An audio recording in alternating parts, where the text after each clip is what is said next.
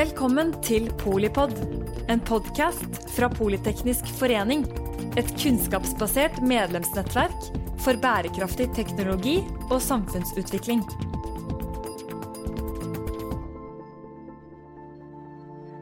Hei, hei, og hjertelig velkommen til eh, alle dere som er i salen. Og hjertelig velkommen til alle dere som følger med hjemmefra. Jeg heter Hedda Langemyr. Eh, til daglig så leder jeg Utsyn, Forum for utenriks og sikkerhet. Eh, Men ikke sjelden så er jeg også innom Politeknisk forening som styreleder i samfunnssikkerhetsnettverket her. Og denne kvelden her har jeg faktisk gleda meg til eh, ganske lenge. Eh, Senhøsten 2021 så ble Forsvarskommisjonen eh, nedsatt. De har nå jobbet i litt over et år, og de skal levere innstillingen sin innen 3. mai neste år. Så jeg er veldig I, I år. I år, ja. ja, ja beklager, beklager. I år. En veldig viktig presisering. Ja. Så jeg er veldig glad for å ha to kommisjonsmedlemmer med meg her i dag. Først ut Storberget, tidligere justisminister, velkjent Ap-profil, og nå statsforvalter i Innlandet. Hjertelig velkommen. Og Liv Signe Navarsete, kommisjonsmedlem tidligere profilert Senterpartipolitiker. Eh, har hatt et utstrakt engasjement i utenriks- og forsvarskomiteen, og fulgt forsvarspolitikken veldig nøye de siste årene. Og nå statsforvalter i Vestlandet. Hjertelig velkommen til deg også. Tusen takk. Så det mange av oss eh, nå lurer på, er hvordan, hvordan kom det hele i stand? Hvordan eh, er mandatet eh, formulert? Og hvordan har prosessen med arbeidet gått så langt? Spesielt i lys av mange av de ganske dramatiske endringene som har skjedd siden. Knut? Ja, eh, jeg kan si litt om, det prosessuelle. Så nå er jeg nesten frista til å si at Liv Signe får ta innholdet. Eh, og vi, vi sitter jo i disse dager og skriver, og vi har møte hele denne uka. eh, hele kommisjonen. Og vi må jo levere før påske, så vi er, begynner å bli litt sånn på stress. Eh, Men, eh, men eh, når regjeringen bestemte seg for å oppnevne en forsvarskommisjon i desember 21, som du var inne på, Hedda, så var jo det på bakgrunn av debatt i Stortinget, og også formulert fra Stortingets side at man ønsket seg en forsvarskommisjon. Og jeg nevner ofte når jeg er ute og møter folk, at, som for så vidt er en del av vårt mandat, at vi skal være ute og skape debatt før vi avgir. Så vi gjør ikke noe gærent nå. Eh, så eh, ble vi ofte spurt om, eh, for så kort tid tilbake som desember 21, hva vi i all verdens navn skulle med en forsvarskommisjon. Og det er litt rart å tenke på. For etter 24.2 så har det spørsmålet aldri blitt stilt, i hvert fall direkte overfor meg. Da har det vært helt naturlig. Og Det er på mange måter en del av hovedproblemstillingen, eh, syns jeg, etter hvert. Det er hvorfor vi stilte det spørsmålet da, og ikke gjør det etter at vi ser at en krig bryter ut, som faktisk på mange måter har eh, eh, hatt sikre tegn på, og egentlig starta lenge før 24.2, med invasjonen i Ukraina, i, på Krim, og ikke minst det som skjedde i Georgia i 2008. Slik at eh, det er en utfordring, og det ligger jo på mange måter i vårt mandat, å se på hva er det som gjør at et samfunn i ganske rolig fred kan slakke såpass på at vi får de betydelige utfordringene man har knytta til forsvaret eh, av Norge i, i dag. Vi er en kommisjon på 17 medlemmer. Eh, Den er bredt politisk sammensatt. Stortinget bestemte jo og ønsket seg jo, at, eh, og regjeringen ønsket jo at dette skulle være med representanter fra alle de politiske partiene fra Stortinget. I hvert fall av de som er over sperregrensa. Slik at det er en ganske bred politisk sammensatt setting. Og vi har med oss eh, forskere. Vi har med oss eh, representanter for politiet. Forsvaret, selvfølgelig. eh, og også næringslivets organisasjoner. Så det er en bredt sammensatt kommisjon. Og man, du spør om mandatet, så er jo det Det er jo Og Liv Signe og jeg har jo funnet ut at ett års arbeid, effektivt arbeid, for nå driver vi egentlig og oppsummerer, så vi har hatt ett effektivt arbeidsår. Eh, det er egentlig ganske lite. Vi er den fjerde forsvarskommisjonen siden andre verdenskrig. Hadde en i 46 eh, Bratteli, eh, Nordli i noen og 70. Willoch sin, som vi, noen av oss husker godt, på 90-tallet. Og så er det oss. Og mandatet vårt er veldig bredt, sammen, bredt utspent. Først og fremst å se på forsvaret av Norge og hva slags sikkerhetspolitiske utfordringer vi står overfor, og hva vi vil se hvis man drister seg til uh, å tenke 10-20 år fram i tid, som det står i mandatet. Uh, og Sjøl mener jo jeg at det er en veldig mange måter privilegert oppgave å kunne gå inn i et sånt politisk område hvor du faktisk får en mulighet til å ikke stå i det dagsaktuelle, også faktisk det som skjer i Ukraina, men prøve å løfte blikket litt og se hva er det vi vil ha behov for om 10-20 år. For vi vet at forsvarskapasiteter blant annet, det tar det lang tid å bygge opp. Men det er veldig krevende. Vi kan jo enhver oss tenke oss hva vil skje med oss sjøl, familien, andre om 10-20 år, så har vi nesten ikke peiling. Og i dag er jo den sikkerhetspolitiske utviklinga slik at vi vet jo knapt nok hva som skjer i neste uke. Men vi skal se på riggen rundt Forsvaret, ressurstilstrømmingen til Forsvaret. Vi skal se på hvordan Forsvaret fungerer sammen med det sivile Norge. Både private og det øvrige offisielle aktører. Altså et totalforsvarsperspektiv. Og vi jobber da parallelt med en totalberedskapskommisjon. Eh, som i stor grad skal ta for seg samfunnssikkerheten eh, i litt lavere terskler enn det vi opererer under. Eh, krig og si, terskelen under krig, særlig opp mot de sammensatte trusler som vi da er opptatt av. Så det er et svært lerret å bleke jeg sjøl på såpass kort tid, og det med å ta ned forventningene til dette her, da, litt, det er at eh, vi kan ikke gå med skrutrekker inn i detaljerte eh, forsvarspolitiske spørsmål, men det blir store linjer mm. og de store veivalg som vi ønsker å og, og, og har blitt bedt om egentlig å se på. Mm. Ja. Hvordan opplever du at eh, det har gått med å finne den balansen eh, mellom alt det dramatiske som skjer nå, eh, mange av de endringsprosessene som vi står i, ikke bare, ikke bare Ukraina-krigen, selv om den er eh, overdøvende og voldsom, men eh, også klimaendringer, en rivende teknologisk utvikling, eh, det grønne skiftet, alle omstillingsprosesser knytta til det. Hvordan, hvordan, klarer man å, å balansere ut dette, og spesielt med tanke på det du nevnte, med at det er en veldig bredt sammensatt kommisjon? Vi har brukt mye tid på informasjonsinnhenting. Eh, og, og, og, parallelt med at vi òg har hatt drøftinger i kommisjonen. Jeg syns det har vært en veldig fin arbeidsmåte og metodikk. For eh, det er veldig ulik bakgrunn på, på oss. Noen har jobba mye med forsvarspolitikk, andre nesten ikke. Eh, men nettopp det tror jeg, og noen er forskere og har liksom den ståstaden, nettopp det gjør at vi ja, hva skal jeg si, Når du setter sammen et styre, så skal du helst sette sammen et styre av ulike folk med ulik kompetanse. og Det, det er litt slik det vi har sammensett òg.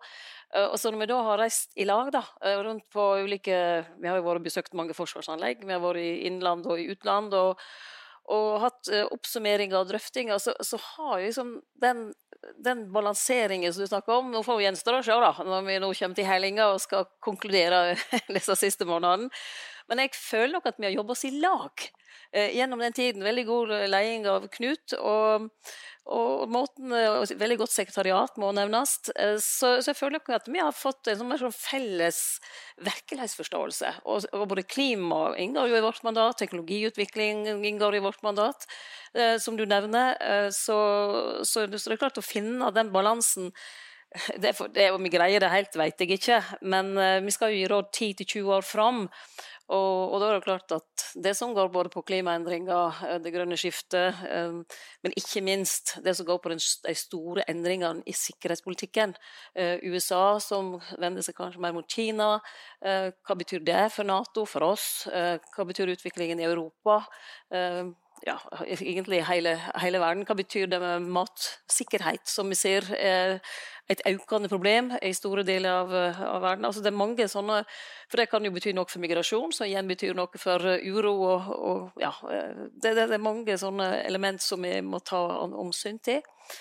Men um, jeg er jo optimist uh, til at vi skal greie å balansere dette sånn, sånn noenlunde ut. da. Uh, så får vi se resultatet. Det som... Uh, det som selvsagt er realiteten, som vi alle må ta inn over oss, det er jo en del sånn fakta i, forhold til både status i Forsvaret i dag, hva som må til. Der vil det være litt ulike syn på, kanskje.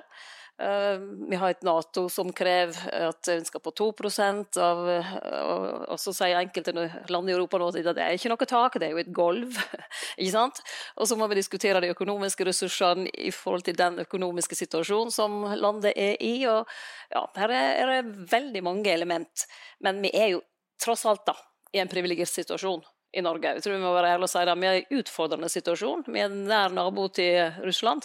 Eh, og det utfordrer selvfølgelig Norge eh, på en spesiell måte. Sverige og Finland kommer inn i Nato. Det håper vi, eh, tror jeg de fleste, iallfall i kommisjonen. Og så jeg tror kanskje de fleste òg i, i Norge syns det er veldig bra at vi får at vi får det inn. Samtidig så gir det òg eh, nye muligheter for samarbeid, men kanskje òg noen utfordringer vil det òg føre med seg eh, i tiden framover. Men dog er vi privilegert. Vi har altså en økonomi som, eh, som tillater oss å kunne gjøre valg. Det er ikke alle land som har. Vi har, et, vi har et godt allianseforhold både til enkeltland og til innad i Nato, som er en veldig god plattform å bygge vårt forsvar videre på. Um, og, og, vi har òg i Norge tillit. Jeg vil nevne det tillit, og vi har forsvarsvilje, heldigvis eh, fortsatt. Og når vi ser til Ukraina nå, så ser vi hva det betyr i, i, motstandskraft i et land. At det faktisk er den motstandsviljen er der, og, og, og det tror jeg vi ikke skal undervurdere.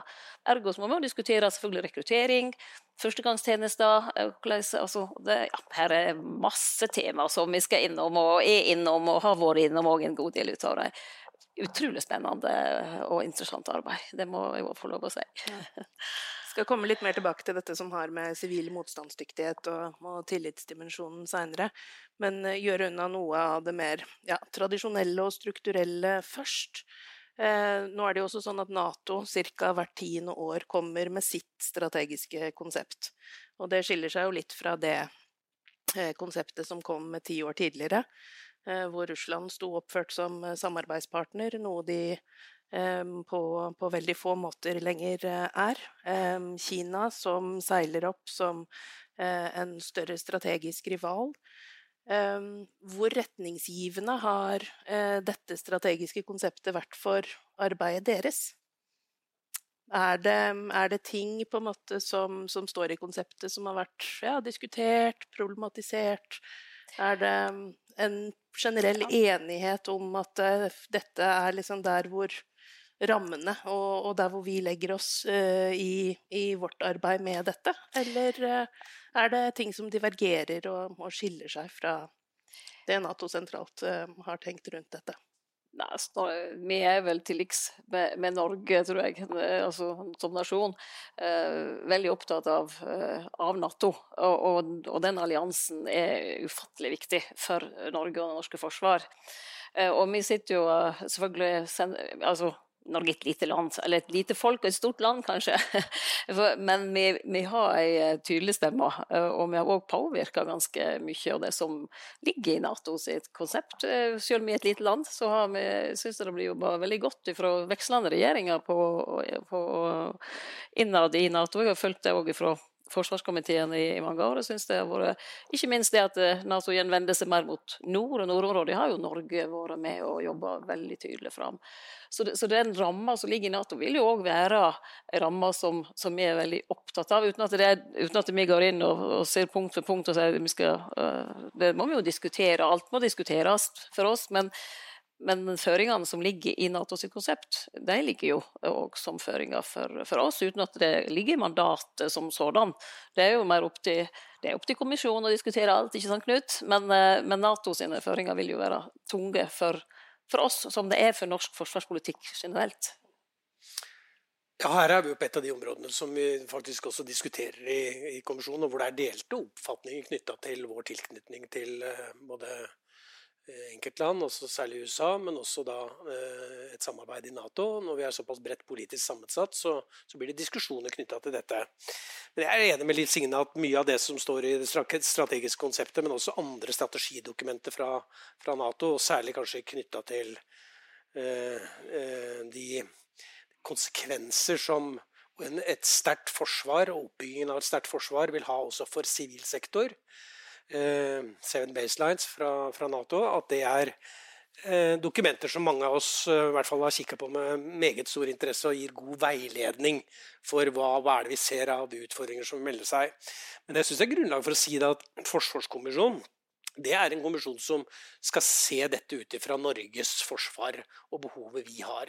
Og da kan det være i et 10-20-årsperspektiv at flere av oss ser at det er behov for også å se på hva slags diskusjoner Norge er tjent med at f.eks. reises innad i Nato. Uh, og vi har jo, som Liv Signe også var inne på, debattert f.eks. 2 %-målet. Og uh, si, hensiktsmessigheten i et slikt mål. Ehm, eh, jeg er jo, og det kan jeg si, og det har jeg sagt før også, at jeg mener at en del av de sikkerhetspolitiske utfordringene vi ser i et langtidsperspektiv, klarer vi ikke å bevilge oss ut ifra. Eh, vi er helt avhengig av personell. Mer enn noen gang. Så hvis vi tror at vi liksom ved budsjettgrep klarer å trylle fram kompetanse og, og antall hoder som vi trenger inn i en sånn type virksomhet, så vil vi ta smertelig feil. Det må tenkes også annerledes på rekruttering. Ehm, vi er helt avhengig av f.eks.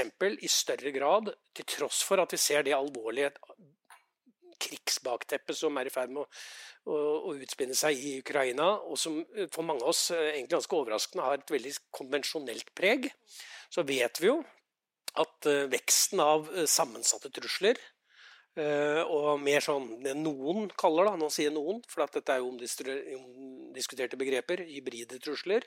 Det er digitale angrep, angrep mot kritisk infrastruktur, in, investering i kritisk infrastruktur, meningspåvirkning osv. osv.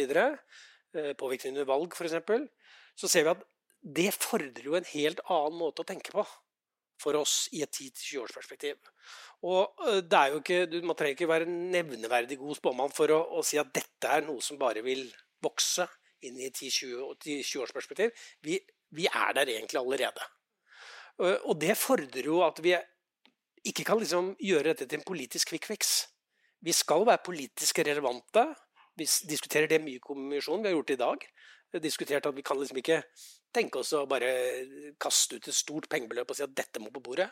Og så vet vi at det bærer ikke nede i huset her, altså i Stortinget. Eh, noen politisk kvikkfiks på dette området det er, eh, er, det flere av oss som ikke er interessert i å ta. Vi vil heller at dette skal være en kommisjonsrapport som gir effekt. Eh, og da må vi også tenke litt på eh, hvordan de tiltakene som vi foreslår, faktisk er mulig å iverksette. Eh, og da kommer dette med personell kompetanse inn. Det kommer det å kunne tenke vi, skal, vi bruker allerede 70-80 eh, milliarder på det norske forsvaret. Eh, er det mulig å tenke seg i et framtidsperspektiv at de midlene kan brukes på en annen måte enn i dag? At vi organiserer det annerledes? Er det sånn at en militær sektor som nærmest er organisert fra 1500-1600-tallet og fram til i dag, er det rette, moderne grep for å møte trusselbildet om 10-20 år? Eh, det er ikke sikkert. Uh, slik at her er det mange slags andre typer utfordringer som kan være noen ganger litt sånn krevende å ta fatt i, men som jeg tror at det er veldig viktig at man tar fatt i. Og i særlig stor grad hvis det er sånn at man mener at man skal bevilge veldig mye mer penger inn i dette. Og når vi ser at uh, trusselbildet uh, bare skaper en utvida gråsone i terskelen under krig, så er det åpenbart at det er også nærliggende å se på de store ressurser som man i framtiden, uansett hvor høyt du kommer i forsvarsbudsjettet, skal måtte bevilge for å skape trygghet. Hvordan vi kan anvende de midlene i mange sammenhenger mer. Og bruke det bredere, slik at man faktisk får større samfunnsnytte av det. Og ikke bare i skarpe krigssituasjoner. Forsvaret har jo noen instrumenter i dag, og noen kapabiliteter som i dag virker i sivil sektor. Kystvakt, grensevakt, redningshelikopter osv.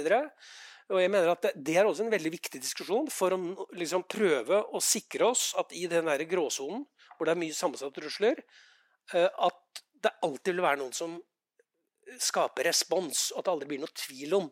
Og at noen rygger tilbake, det har vi jo erfaring med. Eh, enten i beredskapssektor eller Forsvaret. At man rygger tilbake, og at det er ingen som reagerer. Så her er det, det er mange slags krevende diskusjoner mm. som jeg håper at kan, i hvert fall fra vår side, bidra til at det politiske Norge eh, blir satt bedre i stand til å håndtere den, de sikkerhetspolitiske trusler vi, vi ser vi står overfor. Dere snakker jo begge med et uh, veldig stort uh, engasjement, og det er veldig mange uh, ulike saker som uh, har drevet et år, så vi begynner å bli tent. jeg også har lyst til å ja, fordype, fordype, meg litt i. Ehm, du tar opp flere ting som jeg tenker er viktig her. Det ene er jo dette med sammensatte trusler. Det har vært mye mer fokus på både cyberoperasjoner, ransomware, ulike typer ting som er rettet spesielt mot næringslivet kvantifiserbare eh, trusler, på sett og vis. Man, det går utover bunnlinja til bedrifter, eh, og det går an å utvikle tiltak mot det. Men så er det det som i hvert fall jeg eh, har vært ganske opptatt av, som er det, det mer kvalitative, og det som ikke er like lett å måle effekten av. Eh, desinformasjon, ulike typer påvirkningsoperasjoner, ting som på ulike sett og vis reduserer tilliten eh, mellom, eller tilliten til demokratiske institusjoner, mellom mennesker, mellom partier. Eh, nå er det jo sånn at Forsvarskommisjonen skal samarbeide, eller samarbeider tett med totalberedskapskommisjonen. Eh, men vi vet jo også, helt sikkert alle som sitter her, og, og mange av dere som sitter der hjemme også, at, eh, at vi har et veldig sterkt sektorprinsipp som eh, gjør denne noe av denne ansvarsfordelingen, eller kompliserer den eh, litt, grann, eh, har, har, kommisjonen på en måte diskutert eh, ulike alternative måter å organisere eh, deler av norsk sikkerhet på. Eh, Knut? Ja, ja det, det har vi gjort. Og det gjør vi. Og vi gjør det sammen med Totalberedskapskommisjonen. Vi har jo hatt to dagsmøter sammen med de, og vi har jo som ambisjon å prøve å se kan vi identifisere noe av de samme utfordringene og områdene, og se også på om vi kan klare å identifisere noen løsninger på dette. Eh, men det er jo veldig krevende, fordi vi ser at eh, som du er inne på med sektorprinsippet, så er det jo slik at det ofte er sånn at man eh, når, når, det ikke brenner, så slåss man om å få oppgaven. Når det brenner, så løper man fra ansvaret og oppgaven. Slik at det er krevende. Men det, jeg mener at det er kanskje vel så viktig som å diskutere ressurs, ressurstilførsel og pengetilførsel, er å diskutere klarhet i det. Eh, og det kan jo være mange slags områder hvor vi, vi ser på det. Hvis man går litt mer ikke er så generisk da, knytta til sammensatte trusler, men går spesifikt inn. Du nevner jo sjøl meningspåvirkning. Men f.eks. digitale angrep, så ser vi da at det er jo i Norge et konglomerat av institusjoner som skal ta seg av det. Og det er ikke lett å skjønne helt, og det vi ser det som statsforvaltere, Liv Signe og jeg også, vi skal organisere det på regionalt nivå, at det er ikke lett å vite helt hvem som har ansvaret. Verken hvem som har ansvaret i bredden, horisontalt, og heller ikke lett å vite hvem som har ansvaret vertikalt oppover.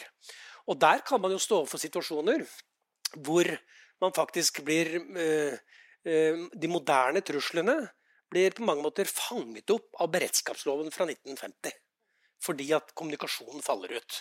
Det står jo i beredskapsloven at eh, hvis man ikke får kontakt med sentrale myndigheter, regjering, storting og sånn, så er det noen av oss som får mer makt i f.eks. en krigslignende situasjon. Og det er jo nettopp det. altså Hva skjer eh, hvis man får et så massivt for digitalt angrep Eh, mot både kommuner, regionalstat, regional stat, regional eh, ja, fylkeskommunen og også regjeringen. Og som bidrar til at mye av kommunikasjonen i samfunnet faller ut. Det er et godt eksempel på et sånn i grensesnittet. Hva er det noe som rammer statssikkerheten, eller er vi fortsatt på samfunnssikkerhetens område? Og Det er der jeg mener at det er veldig viktig at disse to kommisjonene klarer å avklare seg imellom. Det er jo en liten prøve på vil samfunnet i en krisesituasjon klare å avklare det seg imellom. Hvis ikke to forholdsvis uh, modne og voksne kommisjoner klarer å avdekke hvem som har ansvaret. Uh, så det er en god test da, på dette. Og det er der jeg ser at er det mulig å tenke seg at man i større grad enn i dag uh, har mer samhandlende virksomhet mellom det militære og det sivile for å utnytte ressursene bedre. Utnytte ressursene bedre i i både fred, krise og, og krig. Eh, det er krevende. Det er veldig krevende, men eh, jeg mener at det er en veldig sånn forpliktelse vi har som kommisjon å påvise det, men også kanskje peke ut en vei. Og kanskje vi, vi kommer ikke lenger enn at vi kan si at dette må framtidige regjeringer bore mer i. Vi har bare et år, så det er det er ikke vi kommer, for å si det sånn, vi kommer ikke til å gå detaljert inn i Forsvarets eh, innkjøp av eh, diverse kapabiliteter i dag, for å si det sånn. Mm. Det er ikke det vi har tid til å gjøre. Vi må se på de store linjene. Um, ja, litt, eh, litt, tilbake til altså denne bråvåkningen uh, 24.2. Uh, det er jo ikke noe tvil om at uh, i store deler av Norden så har vi jo levd i veldig dyp eh, fred, eh, med ganske lite fokus på forsvar og sikkerhet. En eh, ganske laber offentlig debatt om de samme temaene. Bevisstheten har vært relativt lav. Kunnskapsnivået likeså. Og så snakket dere om hvordan altså den brede sammensetningen i kommisjonen eh, konsoliderte situasjonsforståelsen. Det er jo noe man liker å, å, snakke om i Forsvaret. Altså det å bygge en felles situasjonsforståelse er veldig viktig. Um, ser dere gjennom disse innspillsrundene som dere har hatt rundt omkring i landet, og all den informasjonen dere har blitt uh, overlevert, at, uh, at, det skjer også en konsolideringsprosess uh, i befolkningen? Eh, etter 24.2, som hadde vært vanskeligere å få til eh, før krigen i Ukraina brøt ut? Det var et veldig ledende spørsmål. Det, ja, og, det er jo bare ett svar på det. Det er klart at uh, du har fått en helt annen oppmerksomhet om forsvarspolitikken, sikkerhetspolitikken, uh, om rett og slett en oppvåkning. At det, det, kan faktisk Altså, det er krig i vårt nærområde. og Vel, vi òg er et, eh, et, lite eller et stort land, alt etter hvor du definerer folk eller geografi. Land som, som, er nabo til en stat som ved hjelp av militære maktmiddel invadere et annet land. Altså, og, og oppføre seg helt i strid med, med folkeretten og med, med det som vi eh, har oppfatta har vært retningslinjer for, for, internasjonalt samarbeid. ikke sant? Altså det, det, det ryster litt hele det, det, globale samfunnet slik sett. Selv om at krig har jo foregått uh, rundt omkring, uh, bevares, og ikke så langt unna. Men, men den, den, krigen vi ser i Ukraina, den, og den brutaliteten som vi ser der mot sivilsamfunnet og, og det er jo noe mye om å diskutere. ikke sant? folketette områder i Sør-Norge f.eks. Og vi ser hvordan eh, byer nå i Ukraina blir, eh, blir torturert, eller hva jeg skal si, eller nesten utsletta, enkelte av dem med missiler, så må vi jo tenke hvordan forsvarer vi hele landet. Mye av debatten i Norge har gått om nordområdet, ikke sant? og med rette. At uh, der er mye å forsvare. Der er bastionforsvaret til Russland, altså atomubåtene som ligger og de skal ha fri ferdsel, og, og med de implikasjonene som, som, ligger der. Og for norsk uh, areal, både på havet og, og delvis på land. Men, men må vi, også, må også faktisk tenke at uh, vi må ha et forsvar for hele landet. Og vi skal ha et balansert forsvar. Og jeg tror at folk som bor rundt om òg eh, i, i, i Sør-Norge, for å si det sånn, der uh, kanskje fokus ikke har vært så sterkt, òg uh, tenker at har vi, har vi, et godt nok forsvar? Vi, er, vi godt nok beskytta? Det er jo statens fremste oppgave, det er jo å sikre innbyggerne sin, sin trygghet. Så, så, jeg tror nok det blir en diskusjon framover knytta til det rett og slett. Hvordan eh, sikrer vi hele landet? Enten, og det er, selvfølgelig når det gjelder cybersikkerhet, den, den er jo i, i, sin natur både grenseoverskridende og, og geografisk uavhengig, men òg når det gjelder det, det mer, litt mer tradisjonelle forsvaret. da. Så, så, og da kommer vi til hvor skal en med luftforsvar?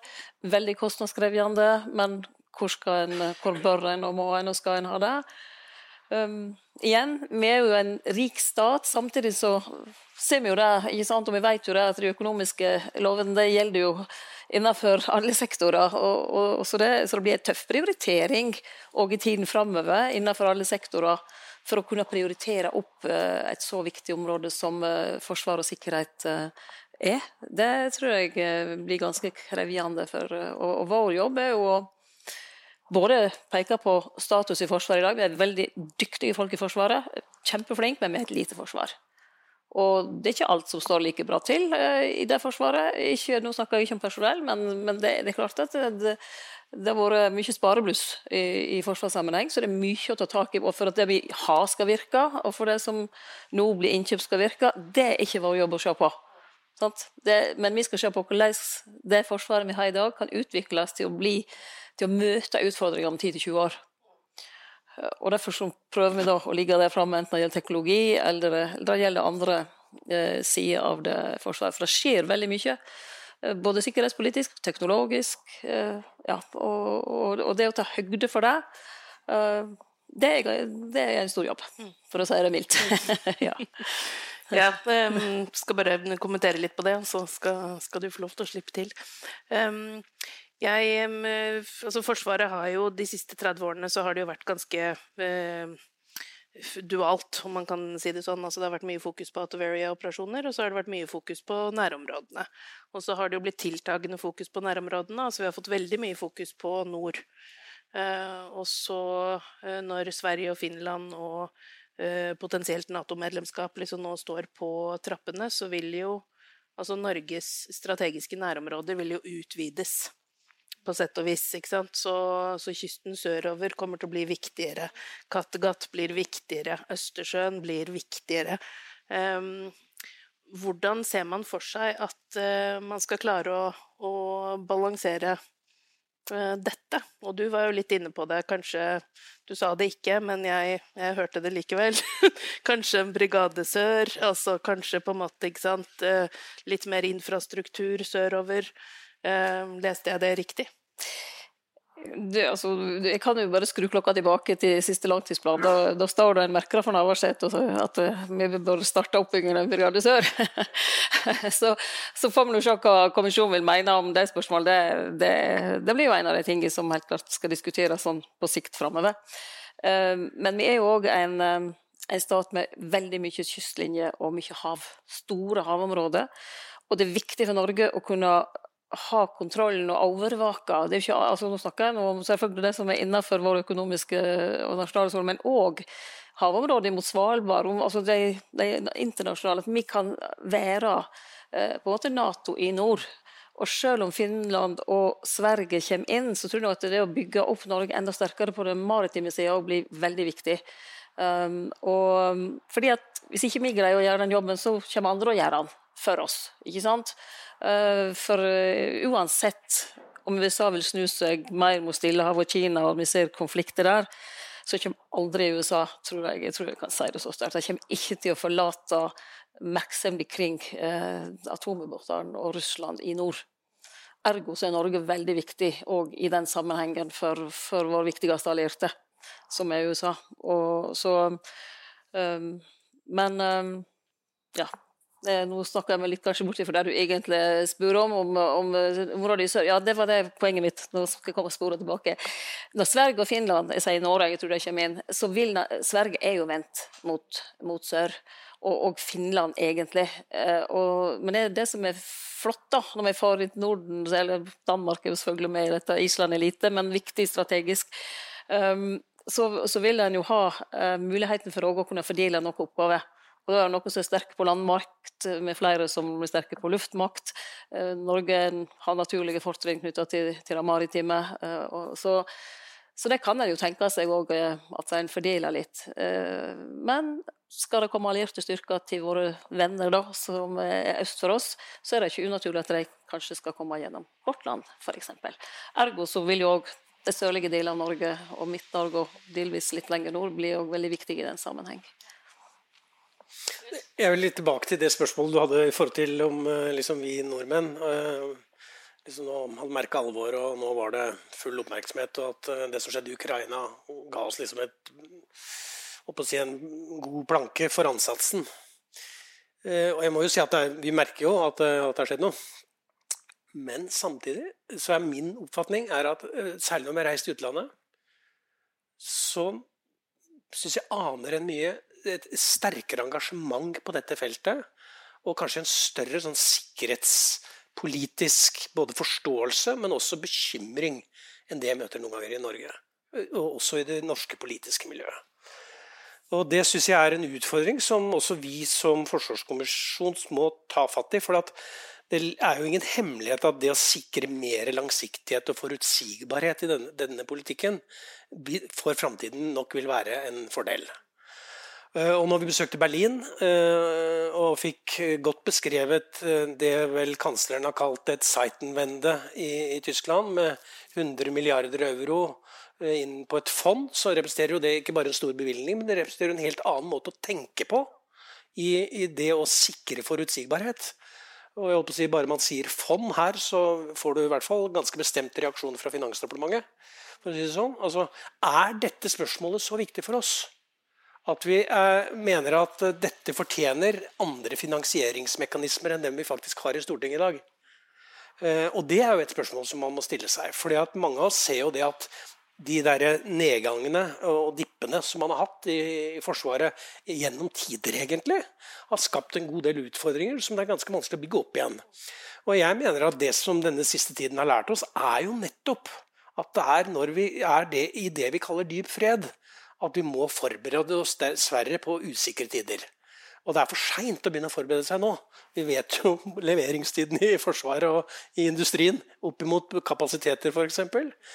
Eh, og jeg mener også Vi har reist i, besøkt Stockholm og Helsinki. Eh, Stockholm har vi vært flere ganger. Eh, så aner vi også en litt sånn annen, mer intens politisk nærming til dette spørsmålet. Eh, og det eh, gir seg uttrykk i at man er f.eks. i ferd med å bygge opp en, en, en, ganske annerledes nasjonal sikkerhetspolitisk arkitektur.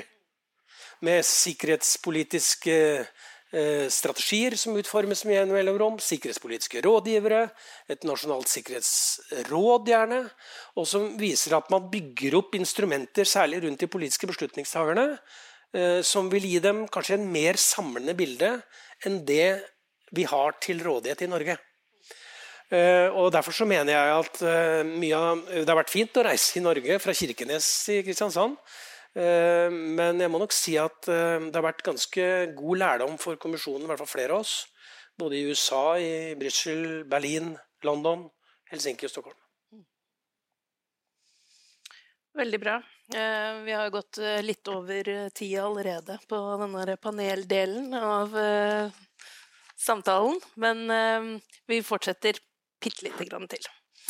Um, jeg tror jo det du nevner her, Knut, er, er veldig viktig. Fordi altså det, det, at vi har vært så lite forberedte, og at vi har så få verktøy eh, for å utvise motstandsdyktighet, det, jeg syns vi ser det veldig tydelig i de indirekte konsekvensene av krigen.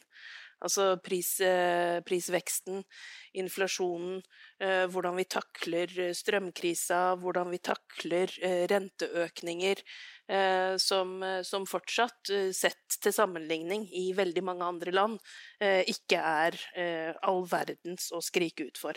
Og så skal man jo heller ikke undervurdere at dette har ganske store konsekvenser for eh, selvfølgelig enkelte familier, eh, ulike typer virksomheter. Det er jo problemer eh, vi er nødt til å håndtere. Men debattklimaet knyttet til en del av disse temaene og det som vi ser ut til å bry oss aller mest om for tiden, eh, syns i hvert fall jeg vitner om at, eh, at vi har en, eh, et stykke å gå eh, når det gjelder å, å forstå omfanget av hva krig i Europa eh, egentlig handler om. Og hvilke eh, både kortsiktige og langsiktige konsekvenser det får for et utkantsland som Norge. Er det en betraktning vi, som, vi, alle, vi, alle, tre kan si at vi deler? Hvis jeg kan, Litt i forlengelse av det jeg var inne på i sted. Da, vi, jeg har i hvert fall følt at det er liksom litt annerledes attitude til disse spørsmålene når vi reiser i utlandet. Og det syns jeg vi skal ta på alvor. Ehm, og det er også en del av bakgrunnen for, eller en del av forklaringsmodellen for hvorfor disse spørsmålene, hvorfor Forsvarskommisjonen i desember 21, og ikke etter 24. februar, føler jeg. Ehm, så mener jeg også at vi i, i Norge har jo en, en betydelig rikdom, eh, høy livskvalitet, mange, mange av oss. Allikevel så ser vi at vi på en måte eh, Og dette får stå for mine egne ord, men, og egenregning, det gjør jo alt eh, så langt. Eh, men, men, at vi, vi, vi, har på mange måter etablert et slags støtputesamfunn. Hvor alt det som forandrer seg i hverdagen vår, og som rammer livskvaliteten til enhver av oss Og da snakker jeg ikke om de som virkelig sliter i dag, for de har grunn til å klage. men snakker kanskje om meg og, og mine og naboen. Et etablerte et støtbyttesamfunn som gjør sitt til at liksom, idet liksom, hyttestrømmen din blir for dyr, så, så ber du staten om å hjelpe deg. Uten å skue av strømmen i oppkjørselen på hytta. Jeg har ikke det, altså. Eh, men, men, altså, så det, det, er litt sånn, og det, det gjør sitt til at jeg er ganske bekymret for hva slags egentlig reell forsvarsevne vi har på individuelt nivå i Norge. Fordi krig, hvis man virkelig skal snakke om det, så er jo det et fravær av en livskvalitet og noe som virkelig rammer livet ditt, og hvor du ikke kan regne med støtputer. Så jeg synes det er veldig god grunn til å stille seg dette spørsmålet. Det er nesten noe sånn parallell som vi ser i økonomien, hvor du kan etablere, bruke veldig mye penger. Så får du sånn, liksom sånn nærmest hollandsk sjuke. Lammer oss helt. Du får en, også en politisk hollandsk sjuke ved å bruke mye penger. At det er bare det du gjør. Og så tenker du ikke på er det organisert riktig. Det har litt preg av det i Norge. Nå er jeg ute av regjering, så jeg kan si det. Det var lenge siden. Eh, og det er spørsmålet om ikke vi også på mange måter har det litt sånn på individnivå. Og så hvis vi skal ta litt på alvor og utfordre oss sjøl litt på det.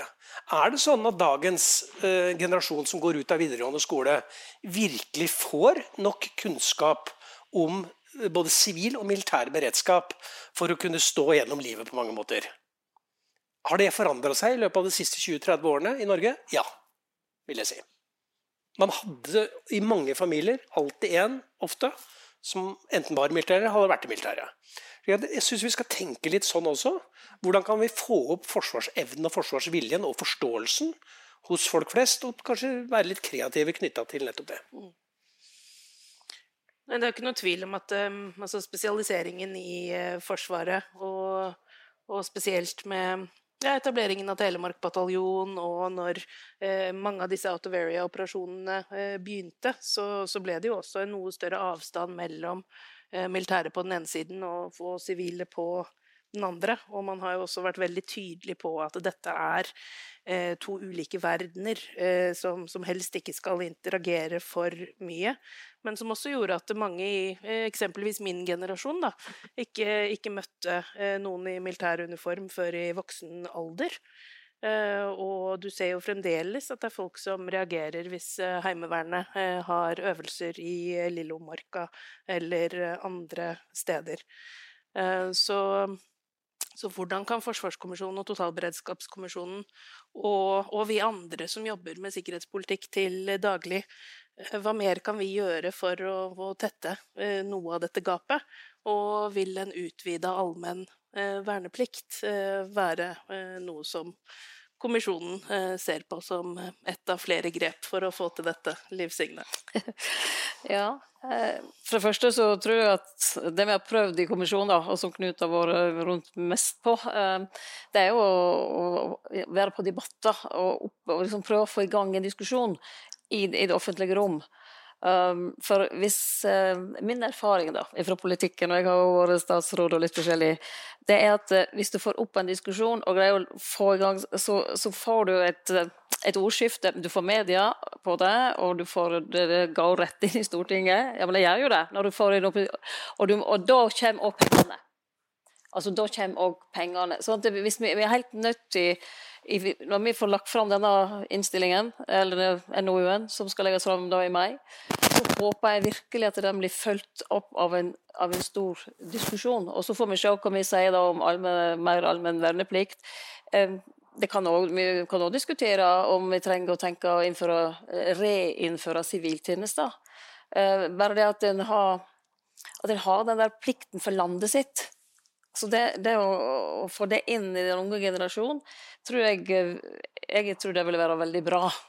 At flere hadde det. For i dag er det veldig få som er inne til verneplikt. Og det skal ikke være så mye skal ikke ha så mye skavanker før du i hvert fall er langt ute. Og de som kommer inn, er det beste vi har, og det er flott.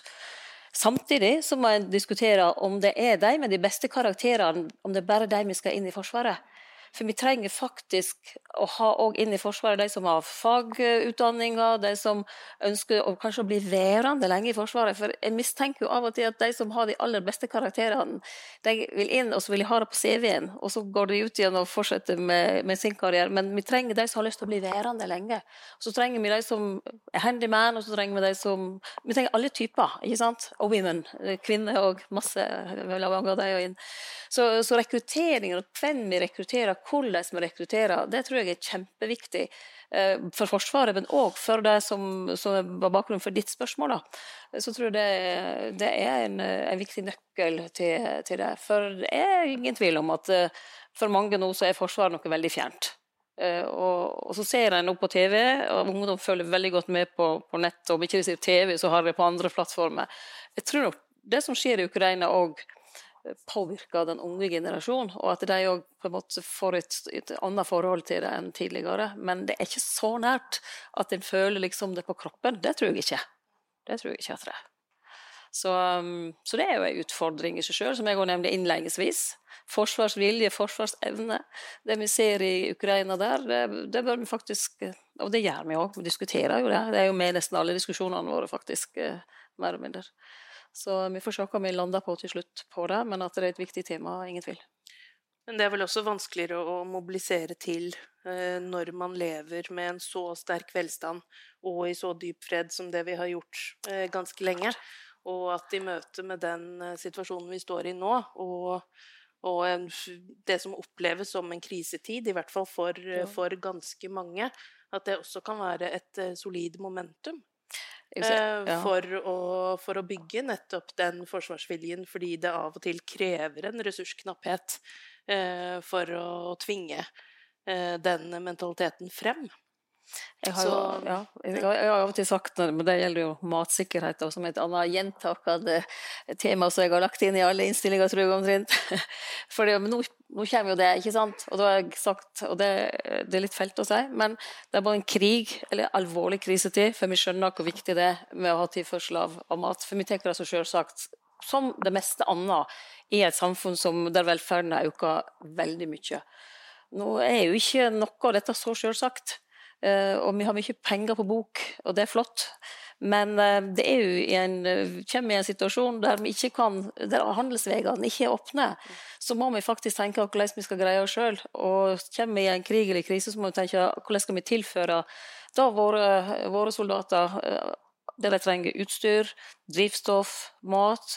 Altså, det som vi ikke har vi tenkt på, egentlig. Vi har jo ikke det i realiteten. Vi har et forsvar som har øvd for fredstid som har vært ute i, i, internasjonale operasjoner. Det er utrolig, det har vært veldig kjekt. Sånn som Jeg reiste med komiteen og hørte hvordan våre soldater blir omtalt ute. Det må jeg nesten få sagt. for det var, Jeg ble liksom så stolt. Jeg har ingen aksjer i at vi har så flinke soldater, og at de har så gode verdier, og at de greier å ta avgjørelser sjøl og er selvstendige.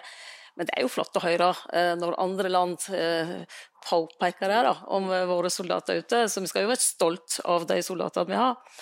Eh, men tilbake til, til Norge og, og, våre utfordringer, så, eh, så, tror jeg at eh, ja, vi har, vi har en vei å, å, gå. Og hvis du avslutningsvis for, for, vårt digitale publikum i dag uh, kunne du sagt eller nevnt to punkter som du tenker ville vært veldig verdifullt at kom ut av kommisjonens arbeid? Hvilke, hvilke to ting nice try. ville du ha Vakker! ja. peke på som uh, hva, hva ville du vært happy med? Hva, hva ønsker du? Ja. Um, nå, nå, er vi jo i innspurten, så, så, jeg har jo ikke lyst til å foregripe noen ting. Men jeg, Eh, man tyr jo veldig raskt til eh, det å diskutere bevilgninger og penger. Eh, men jeg håper at vi også klarer å evne å se på hvordan ting er organisert. Og særlig dette denne gråsoneområdet. Det er en av de tingene som jeg ønsker å få ut av det. Og, og, det, og, ikke minst det forhold, og det gjelder generelt, at det skal være realistisk det vi legger fram, og det skal være mulig å gjennomføre for en eller annen regjering framover. Og nå har jo Liv Signe og jeg den store fordelen med dette arbeidet at vi ikke skal gjenvelges. Slik at uh, jeg regner med at den femte forsvarskommisjonen, der, uh, der, er vi ikke kandidater. Men det betyr jo også at vi kan faktisk da foreslå det vi mener er absolutt helt riktig. Uh, og det er en god tanke. Absolutt. Veldig bra. Tusen takk til dere som har fulgt med hjemmefra. Takk for oss. Takk for at du lyttet til Polipod fra Politeknisk forening. Få med deg flere episoder, eller bli med på nettverksmøtene som du finner på at polyteknisk.